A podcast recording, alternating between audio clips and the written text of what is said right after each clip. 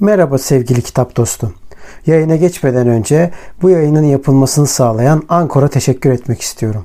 Ücretsiz olan Ankor, podcast'inizi doğrudan telefonunuzdan veya bilgisayarınızdan kaydetmenize ve düzenlemenize olanak tanıyan araçları mevcut. Ankor, podcast'inizi sizin için dağıtır. Böylece Spotify, Apple Podcast ve daha pek çok yerde sesiniz duyulabilir. Üstelik minimum dinleyici olmadan podcast'inizde para kazanabilirsiniz. Tek bir yerde podcast hazırlamak için ihtiyacınız olan her şey Ankor'da. Yayına geçmeden önce hadi vakit kaybetmeden ücretsiz Ankor uygulamasını indirin veya başlamak için ankor.fm'e gidin. Şimdi podcast'ime geçebiliriz. Selamlar dostlar, ben Uçan Salyangoz. Bugün Mark Twain'in Kahraman Cingözler adlı kitabını inceleyeceğiz. Gendaş Çocuk yayıncılığından. Kitabı incelemeden önce Mark Twain'in biraz hayatına göz atalım. Mark Twain, e, bugün herkesin Mark Twain olarak bildiği Amerikalı yazar Samuel Clemens'in hayatını aslında anlatacağız. Çünkü Mark Twain bir mahlas ismi, takma isim. Hatta takma isimlerinden bir tanesi. Ama uzun yıllar boyunca kullandığı takma ismi Mark Twain. Mark Twain'in anlamı iki kulaç derinlik veya güvenli su anlamına gelen bir nehir terimidir ve bu mahlas adıyla 30 kitap yayınlamış. Zaten bundan sonra da hani karışıklık olmasın diye Samuel Clemens yani gerçek ismi yerine Mark Twain olarak devam edelim. Twain 1835'te Amerika Birleşik Devletleri Missouri eyaletinin Florida yöresinde dünyaya gelmişti. 7 e, çocuklu bir ailenin 6 çocuğundan ama geriye sağ kalan 3 çocuğundan biriydi. Twain beklenenden 2 ay önce hatta tam o zaman 1835'te e, Halley kuyruklu yıldızı tam böyle Tuvi'nin doğduğu gün dünya üzerinden kayıp geçmişti. 10 yaşına kadar ki bazı kaynaklarda bu 7 veya 9 olarak da geçiyor.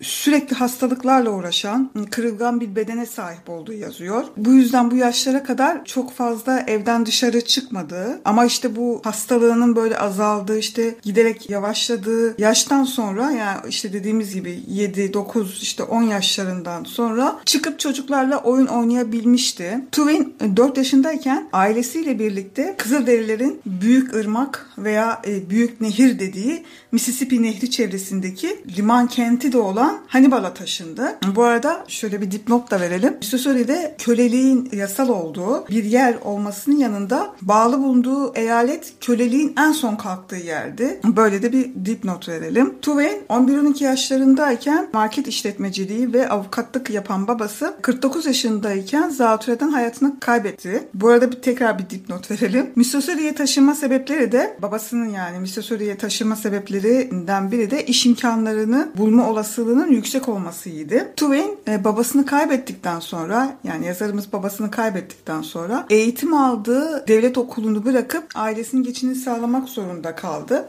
Bu arada bazı kaynaklarda da özel okula gittiği de yazıyor ve işte ilk işi ise 12 yaşında bir basım evinde çırak olarak çalışmak oldu. Yazarımız 18 yaşına geldiğinde dünyayı keşfetme arzusunda bir genç olarak Amerika Birleşik Devletleri'nin değişik eyaletlerini gezmeye başladı. Bu arada çeşitli matbaalarda çalıştı. İşte 4 yıl sonra 1857'de Missouri'ye geri döndüğünde Mississippi Nehri'ndeki buharlı gemilerde kılavuz yardımcısı olarak çalışmaya başladı. Sınavlar için 2 yıl boyunca nehrin her yerini öğrenmesi gerekiyordu. Çünkü o yıllarda gemiler tahtadan yapılıydı ve güvertede mum ve, ve benzeri yakılması yasaktı. Bu yüzden gözlem gücü ve görüş açısı iyi olması gerekiyordu. Zaten çok iyi öğrendiği bu yerler ileride romanlarının mekanlarını oluşturacaktı ve 24 yaşına geldiğinde artık kaptanlık e, ehliyetini almıştı. Fakat 1861'de Amerikan İç Savaşı yani Kuzey-Güney Savaşı çıkınca bir gezileri yasaklandı. E zaten bu e, yasaklara kadar bu nehirde kaptanlıkta yaptı ve savaşla birlikte 25 yaşında Güneyli birliklerin yanında olan Marlon kolcularına gönüllü olarak katıldı. Burada da ilginç bir aslında mizahi bir yön de var. Bu birlik Amerika'da kölelik uygulamasını tamamen karşıttı. Aslında Twain bunu bilmeyerek katıldı. Aslında bu birliğe daha çok katılmasının sebebi Güneyli kökenlerine sadık olduğunu göstermekti. Yani bu amaçla katılmıştı. O kölelik karşıtlığını bilerek katılmadı yani. Fakat 14 günlük askerlik günleri ordunun dağılmasıyla yani o birliğin dağılmasıyla son buldu. Bu arada Kuzey-Güney e, bu arada Kuzey-Güney Savaşı aslında köleliğe karşı e, çıkan bir savaştı. E, yani Amerikan İç Savaşı. Çünkü o zamanlar kölelik o kadar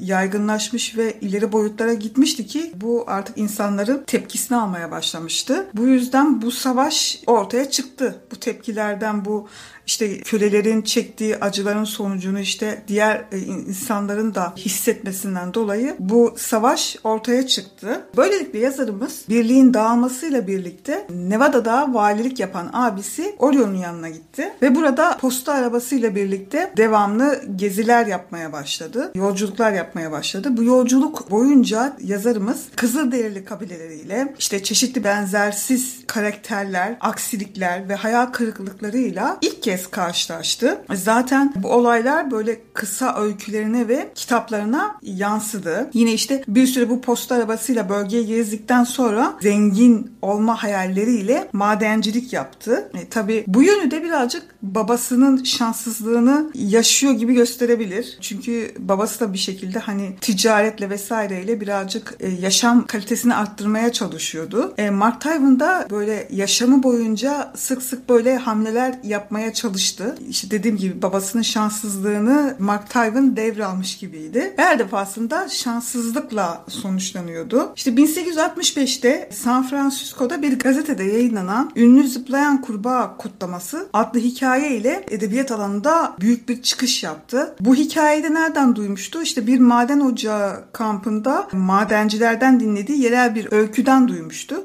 Bu öyküyü de kendi tarzında anlatarak bu şekilde ünü de yakalamış oldu. Ve bu hikaye 1867'de yayınlanan ilk kitabında yer aldı. Yine burada da mizahi bir espri var aslında. Bu şans kurbağası Tywin'a yıllar boyunca süreceği bir şöhret biçiminde defalarca geri dönüp durdu. Çünkü yazarımız yıllar geçtikçe daha da fazla ünü artmaya başladı. Belki de bu kurbağanın Tywin'e e, yani yazarımıza şansı defalarca dokundu. 1866'da yine bir gazete adına Sandwich Adalarına yani Hawaii Adalarına giderek oradan farklı farklı e, yazılar gönderdi. İşte bir dergi için bir dizi pitoresk ve esprili mektup yazmıştı. Bu arada pitoresk yani güzel tablo, görüntüsü güzel tablo, görünüm olarak gözün görüntüsü güzel anlamına gelmektedir. Yani görünüşü bir tablo, tablo konusu olmaya değecek kadar güzel anlamına gelmektedir. Yazıları o kadar popüler olmuştu ki e, döndüğünde kendisini başarılı bir sahne sanatçısı yapan Batı'daki ilk konferans turuna öğretim görevlisi e, olarak başladı. İşte adalar hakkında ders vermesi istendi. Bu arada ilk dersinde çok heyecanlıydı. Hatta bununla ilgili yine böyle mizahi bir espri, bir plan var arkadaşıyla birlikte yaptığı. Tuvin eğer işte ders verdiği karşısındaki kitleyi güldüremezse bir kadın arkadaşından yardım istedi. Arkadaşına işte ben sana doğru döndüğümde ve bıyıklarımı okşadığımda sen orada hemen alkışlayacaksın şeklinde anlaştılar. Ve işte böylelikle arkadaşı yerine geçti ve o onun işte ona doğru dön- dönmesini ve bıyıklarını okşamasını bekledi. Ama buna gerek kalmadı. Çünkü dersi çok güzel geçmişti. Seyirci her cümleyi, e, işte her noktayı coş, coşkuyla alkışladı. Bu arada yazarımız arkadaşını unutmuş, kendisini o anlatıma kaptırmış bir halde yine farkında olmadan arada arkadaşına dönerek, arkadaşın olduğu yöne dönerek bıyıklarını okşuyordu.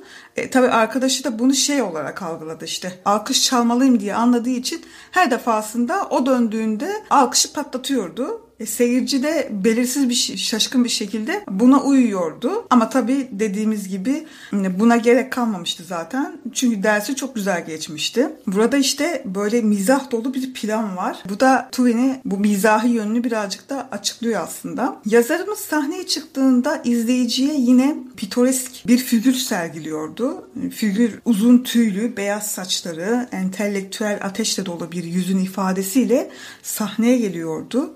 E, gür kaşlarla e, kavisli ve konuşkan kapalı gibi görünen gözleri böyle zaman zaman derin yuvalarından güzel gözlü, sevecen bir bakışla parlıyor ve yüzü e, derin çizilen çizgileri içinde ışıl ışıl görünüyor gibiydi. Artık e, anlatmanın keyfini doya doya çıkarıyor gibi diyebiliriz burada.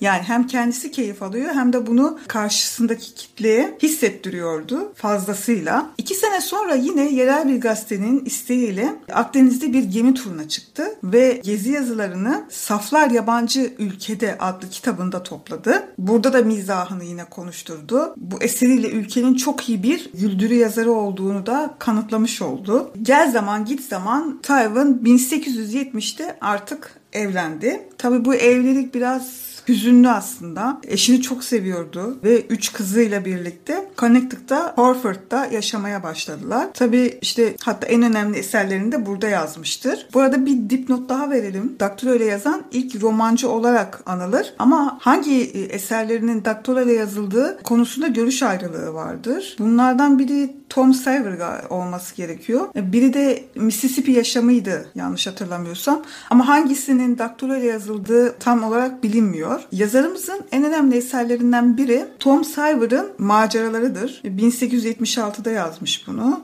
ve diğeri yine Tywin en iyi bilinen hatta en iyi çıkış yapan romanlarından biridir bu. Huckleberry Finn maceraları yani aslında benim de okuduğum Kahraman Cingözler kitabı. Bunu da 1884'te yazmış. Bu onun en büyük başarısıdır. Daha sonraları yazdığı diğer romanları işte arasında yine şey var. Çalınan Taç var 1883 ve Mississippi'de Hayat var. O da 1884. Yazarımızın genel olarak romanlarının mesajı aslında liberal ve ilericidir. Buradan şu yorum çıkabilir. Özel mülkiyeti savunuyor. Bunu böyle düşündüğüne göre özel mülkiyeti savunuyor ve bunun yenilikçi şeyler şeyler getireceğini umuyordu. Ancak böyle bir yorum çıkartabiliriz. Çünkü ileride de konuşacağımız gibi düşünceleri değişiyor. İlerideki düşüncesine bu liberal ve ilerici düşüncesi ters düşecek. Derlerin çoğunda çocukluğunun geçtiği yılların izini taşır. Mesela Mississippi Nehri'ndeki çocukluk zamanından bu işte bu erken yaşlarında yaşadığı olaylar yazarı büyük ölçüde etkilemiş ve bunu zaten kitaplarında da görüyoruz. Huckleberry Finn'in yazdıktan sonra bir 5 yıl boyunca kitap yazmayı bıraktı.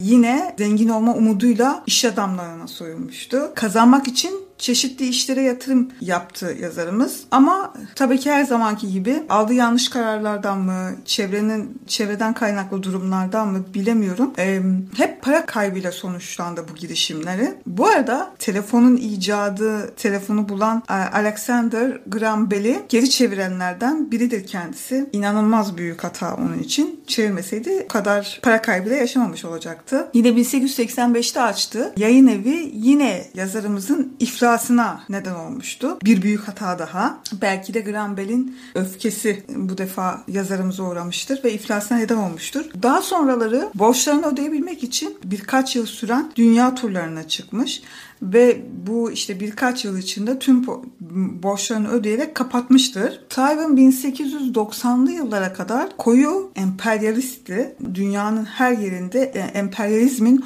olmasını destekliyordu. Aslında bu biraz önce dediğimiz liberal ve ilerici görüşü bununla uyumlu. Fakat bundan sonra fikirleri değişti ve anti-emperyalist oldu. Irkçılık ve emperyalizmin vokal bir rakibi olan ve üyelerinin on binlere ulaştığı anti-emperyalist bir birliğin üyesi oldu ve Amerikan Anti-Emperyalist Language'in de e, başkan yardımcılığını yaptı. Ölümüne değin de anti-emperyalist olarak kaldı. Yani ironik bir şekilde Mississippi siyahilerinin özgürlüğüne kavuştu. Son e, Amerika eyaletinde geçen hikayelerinde yahilerinden zenci diye bahsetmesi ve bunu yazması yani kitaplarında yazıya dökmesi çok fazla eleştiri almasına ve bağnazlıkla suçlanmasına yol açmıştı. Halbuki yazarımız bunu bilerek kullanmış değildi elbet. Bu kelimenin öyle doğru olduğunu bildiği için o şekilde kullanmıştı. Yani buradan şu anlaşılıyor yani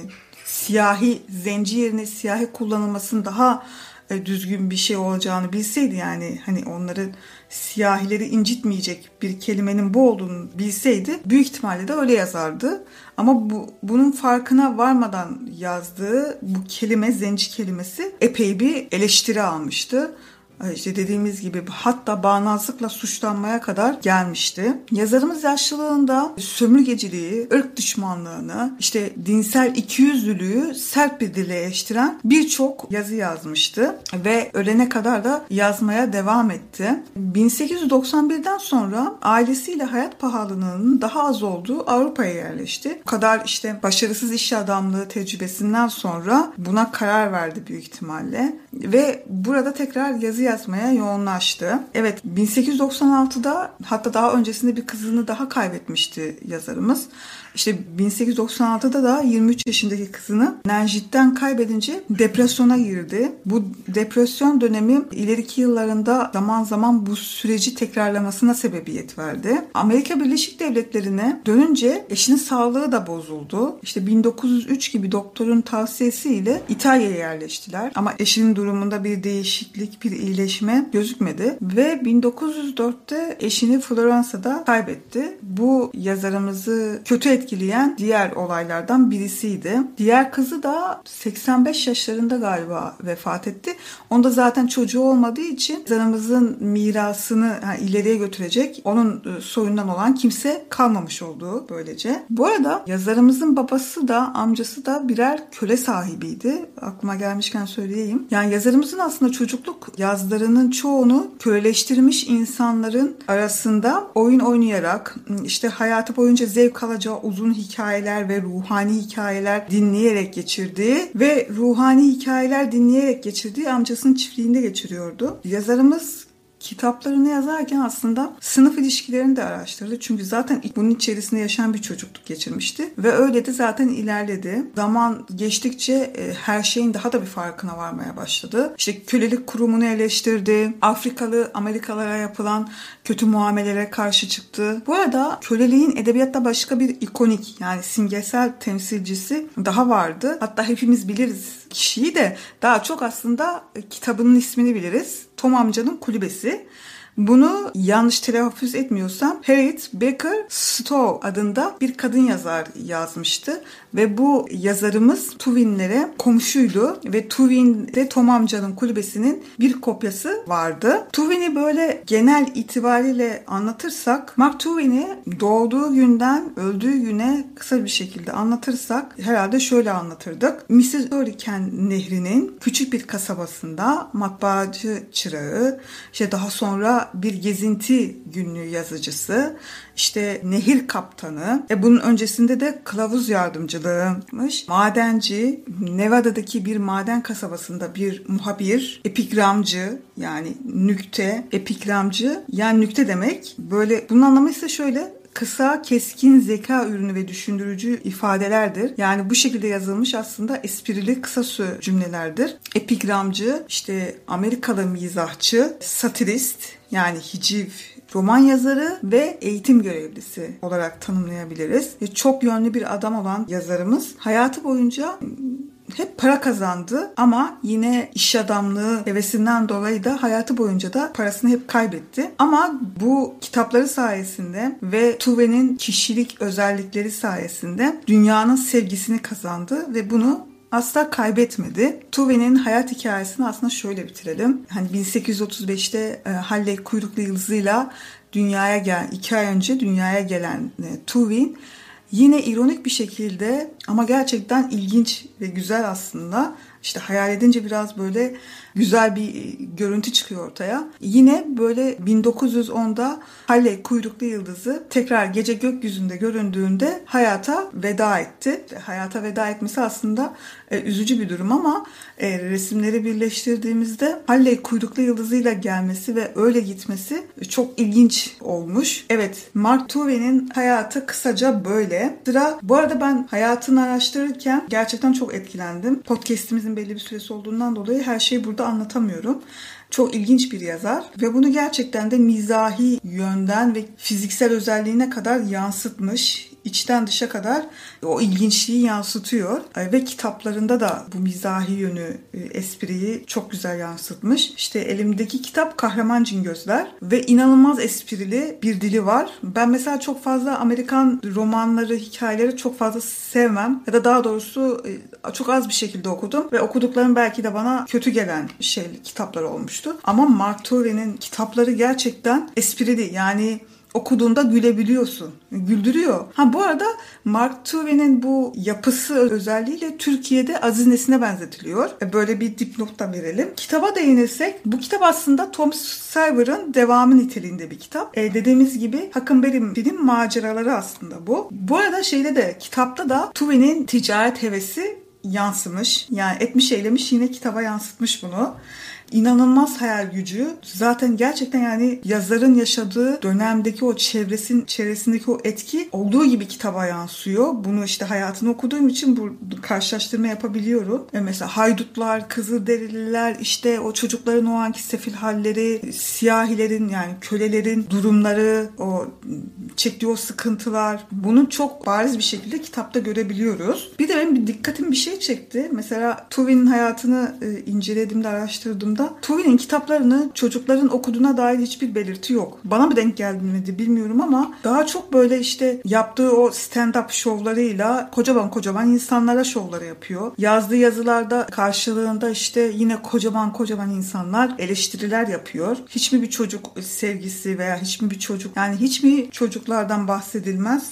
Ona onu göremedim ben hayatını incelediğimde. Anlaşılan hep büyükler okumuş. O zamanlar aslında çocuklarla büyükler aynı şiddet şiddet ortamında ya da aynı koşullar altında büyüdüğü için ve yaşadığı için bu yazılan kitaplar çok normal karşılanıyordu ve çocukların okuyabileceği düzeydeydi. Yani okulabileceği şartlardaydı. Ama şimdiki durumlar daha da farklı olduğu için, yani şartlar da değiştiği için bu bugünkü şartlara göre uygun mu çocukların okuması için? Bence değil. Çünkü içinde birazcık daha şiddete meyilli şeyler, açıklamalar da var. E şimdi içindeki o bazı şeyleri çıkarsak bu defa kitabın esprisi kalmıyor. E bu yüzden ben çocukların okumasını pek tavsiye etmiyorum. Tabii bunu yine ebeveynlerimiz karar verecek. Bugünlük bu kadar. Bugün de hayatımızdan Mark Twain geçti. Belki de Halley kuyruklu yıldızının üzerinde bize selam vererek geçti. Bu yüzden belki de onu çok güzel bir şekilde andık, konuştuk. Başka bir yayında görüşmek üzere diyelim. Kendinize iyi bakın.